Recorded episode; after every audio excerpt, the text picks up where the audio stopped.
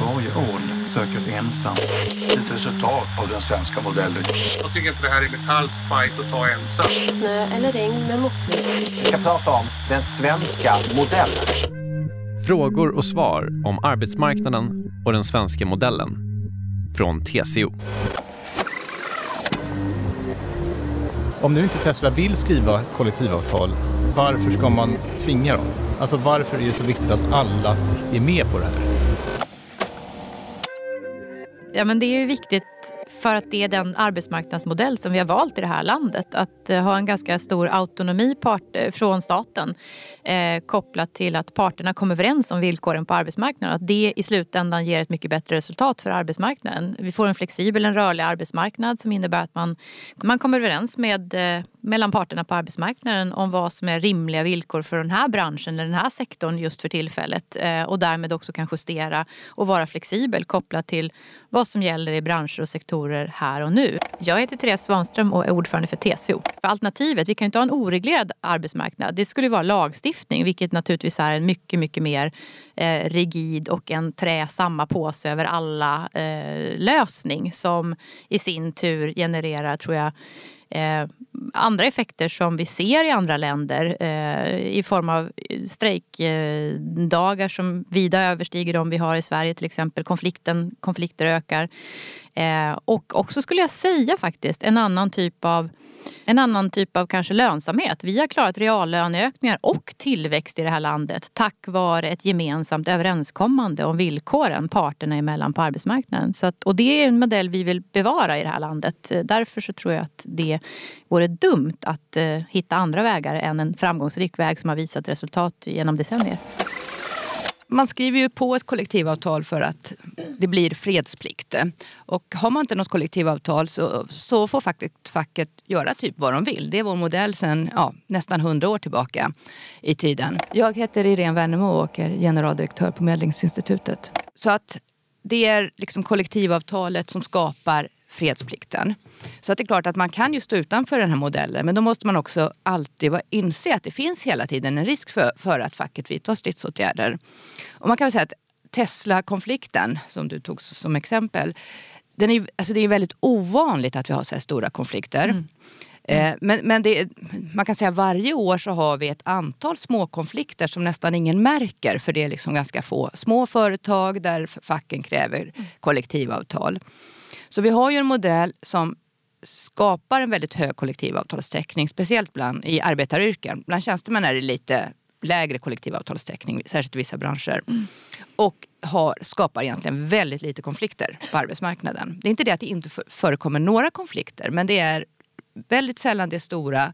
Och annars är det liksom, ja, några få dagar som försvinner varje år, kanske ett tiotal, eh, i den här typen för att upprätthålla kollektivavtal.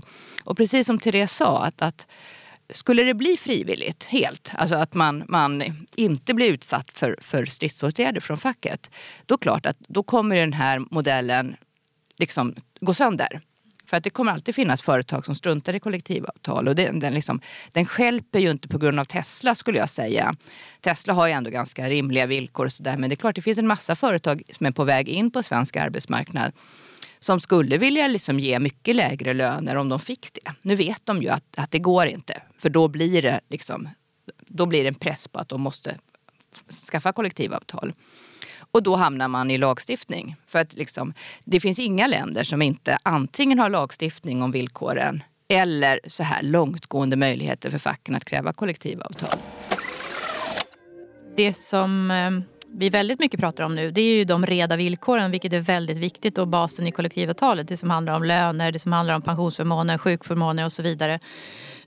Det som inte så ofta pratas om tänker jag i de här sammanhangen det är ju det eh, det handskak, det kontrakt som görs mellan arbetsgivare och arbetstagare i det här landet eh, när kollektivavtal tecknas. Eh, att man faktiskt tar i hand på en överenskommelse som är gjord. Och den basen för den överenskommelsen det är ju att man har suttit ner och pratat om villkoren i den här branschen, det här företaget.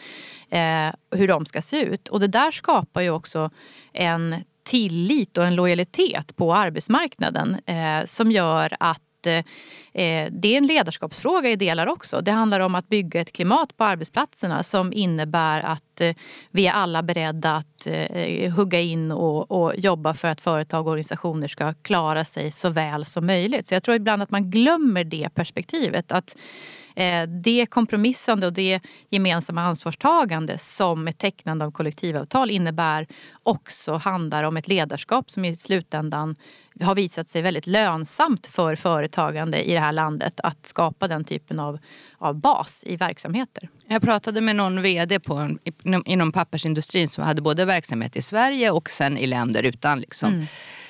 En svensk typ av fackförening. Mm. Och han sa att det var liksom så här, man hade aldrig kunnat göra de här typen av strukturomvandlingar som Nej. har skett på pappersbruken i Sverige om man inte hade facket med sig. Nej. Om man inte hittade liksom lösningar som ja, men var okej okay för bägge parter. Mm. Och att i andra länder det fanns liksom ingen motpart att prata med. Man kunde liksom inte bli överens med någon på det sättet som man blir. Man hade liksom ingen lokal facklig verksamhet utan det var liksom möjligtvis liksom jurister som hjälpte dem och hade inte alls den här, brydde sig inte om verksamheten alls på samma sätt som man gör i Sverige. Så han tyckte det var liksom väldigt besvärligt just att inte ha någon motpart. Och jag tror att de flesta som är vana vid kollektivavtal i Sverige, de tycker att det här, liksom, ja, det här är en väl fungerande sätt att, att driva verksamheten. Mm. Och sen ibland så dyker det upp eh, företag som inte tror på den här idén tänker att fack är alltid som amerikanska fackföreningar som är av en annan karaktär än de svenska. Eh, mer militanta, mm. det är färre som är med. De är liksom mer, alltså, ja, företagen tycker många gånger att de är lite mer extrema. Liksom. Mm. Eh, och har man den bilden med sig och tror att svenska fackföreningar är så, ja men då kanske man liksom eh, hesiterar inför att skaffa kollektivavtal. Men, mm. men samtidigt så borde de ta en dialog, tycker jag, och prata med de här svenska arbetsgivarföreningarna. Mm, bara för att fatta hur funkar det i Sverige? Liksom? Varför tycker vi att det här är en bra modell? Varför, vad har företagen att vinna på det här? Mm. Så det tror jag vore liksom bra för att förstå.